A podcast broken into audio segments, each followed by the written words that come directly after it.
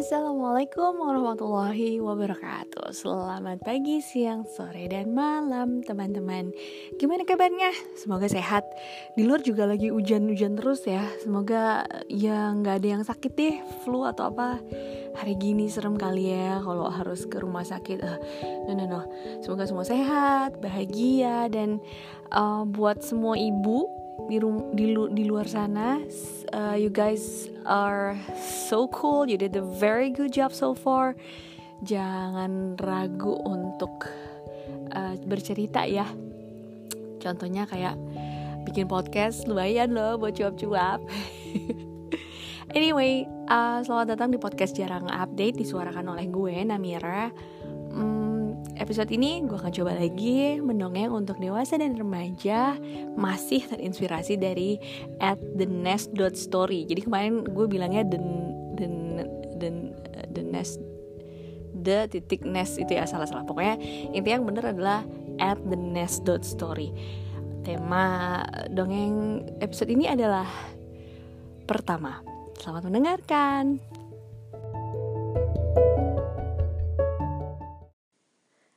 Namanya Lala. Dia seorang guru TK.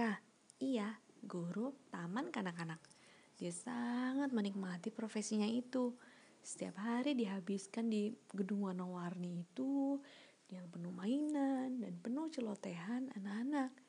Penuh juga tangisan rebutan mainan dari anak-anak.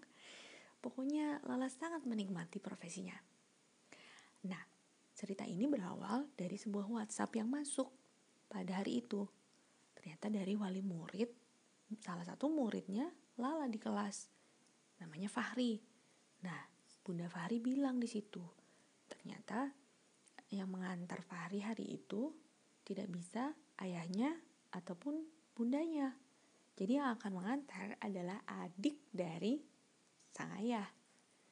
Nah, peraturan sekolah itu kan sangat ketat Eh, mengenai pengantaran dan penjemputan siswa. Jadi karena berganti orang, berganti pengantar dan penjemput, Lala segera bergegas untuk menunggu Fahri di depan pagar sekolah. Tak lama kemudian, dari ujung sana terlihat, semakin terlihat ada sebuah motor sport warna hijau melaju dengan kencang. Tanpa terasa, motor itu sudah tiba di depan sekolah. Dan dari motor itu turun Fahri. Ah, berarti ini yang dimaksud sama bundanya. Pengantar inilah sang adik dari ayah. Ya, jika diperhatikan sosoknya tegap, berpakaian serba hitam. Um, jaket kulit, berbadan tegap. Sepertinya agak sangar. Tapi Lala salah.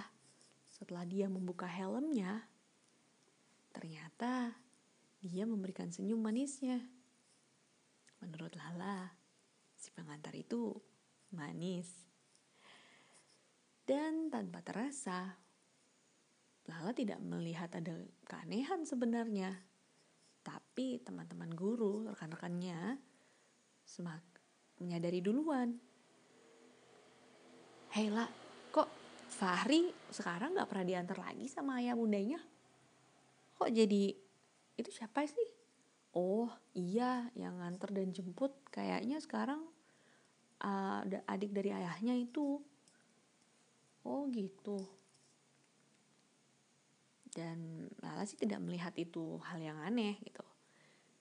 Namun pada suatu hari di dalam tas Fahri ada bingkisan misterius dan di situ tertulis untuk Kak Lala dari penggemar misterius. Hmm, dari situ Lala mulai melihat keanehan-keanehan yang tadi teman-temannya bilang. Nah, singkat cerita, suatu hari saat mengantar Fahri, Fahri sudah masuk ke dalam ruangan. Kalala, kalala, sebentar. Um, aku boleh nggak ngobrol, ngomong sama kamu? Nggak usah lama-lama. Oh, uh, soal Fahri ya kak boleh boleh uh, jam layanan sekolah itu jam 8 sampai jam 11 tapi karena saya ada jam mengajar boleh kakak silakan diskusikan sama kepala sekolah oh enggak enggak enggak nggak usah kepala sekolah. Aku ingin bicara sama kamu. Dengan alasan kesopanan akhirnya Lala menyanggupi. Well oke. Okay. aku selesai saya selesai mengajar jam 2 kak. Silakan aja kalau kakak mau ke sekolah datang lagi ke sini jam 2 oke aku akan datang ke sini lagi jam 2 dan jam 2 pun tiba. Benar saja. Dia sudah menunggu dengan senyum manisnya. Di situ dia bilang Kak Lala oke okay, aku orang yang to the point. Jadi lah aku ini pertama kalinya buat aku. Aku belum pernah merasakan ini sebelumnya. Semenjak pertama kali aku melihat wanita ini perempuan ini aku langsung gak bisa tidur. Aku mencari segala macam alasan bagaimana caranya supaya aku bisa mengantar Fahri setiap hari, mengantar dan menjemputnya. Demi aku bisa melihat dia yang pertama kali membuat aku merasakan jatuh cinta. Kamu lah. Aku suka sama kamu. Maaf jika ini terkesan mendadak dan terburu-buru. Aku nggak peduli. Pokoknya kamu adalah sosok pertama yang berhasil membuat aku jatuh cinta. Jadi maksud aku di sini adalah aku adalah orang yang aku punya bisnis, aku punya penghasilan. Aku rasa itu cukup untuk membiayai aku bisa menafkahi dan membiayai kamu dan kita. Aku mau kamu menikah sama aku. Tolonglah, ini pertama kalinya aku merasakan ini dan aku yakin kamu adalah yang pertama dan terakhir buat aku. Mendengar itu, Lala shock. Dia sangat terkejut. Namun tidak ditunjukkan. Lala akhirnya menjawab dengan berusaha tenang. E, sebentar kak, terima kasih sebelumnya terima kasih banyak atas kejujuran kakak. Saya sangat menghargai ini karena rasa itu nggak pernah salah. Tapi maksud kakak serius gimana kak? Maksudnya ke pernikahan gitu kak? Bagaimana kak? Bagaimana mungkin kak? kita menikah tunggu tunggu. Gini gini.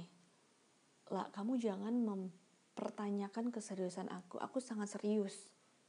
Aku sudah bilang aku punya aku udah punya kendaraan. Aku udah bisa nyicil rumah. Aku adalah wanita yang bertanggung jawab. Dan aku yakin aku bisa menafkahi kamu. Kalau kamu mau menikah sama aku, aku akan tanggung dan nafkahi semua kebutuhanmu. Karena itu tadi aku adalah wanita yang bertanggung jawab. Jeng jeng. gimana gimana gimana? Udah dengar kan ceritanya? Gimana menurut uh, teman-teman? Gimana? Hmm, semoga agak menghibur karena endingnya twist menurut gue seru dan shh, rahasia ya ini antara kita aja ya. Ini dari kisah nyata. Wah terima kasih udah mendengarkan banget uh, episode kedua dari dongeng dewasa pura-pura ngikutin the nest dengan tema pertama. I hope you guys enjoyed uh, colek gue DM gue di @namirasyarah please buat perbaikan gue juga. Dan um, I hope you guys stay healthy stay happy wassalamualaikum warahmatullahi wabarakatuh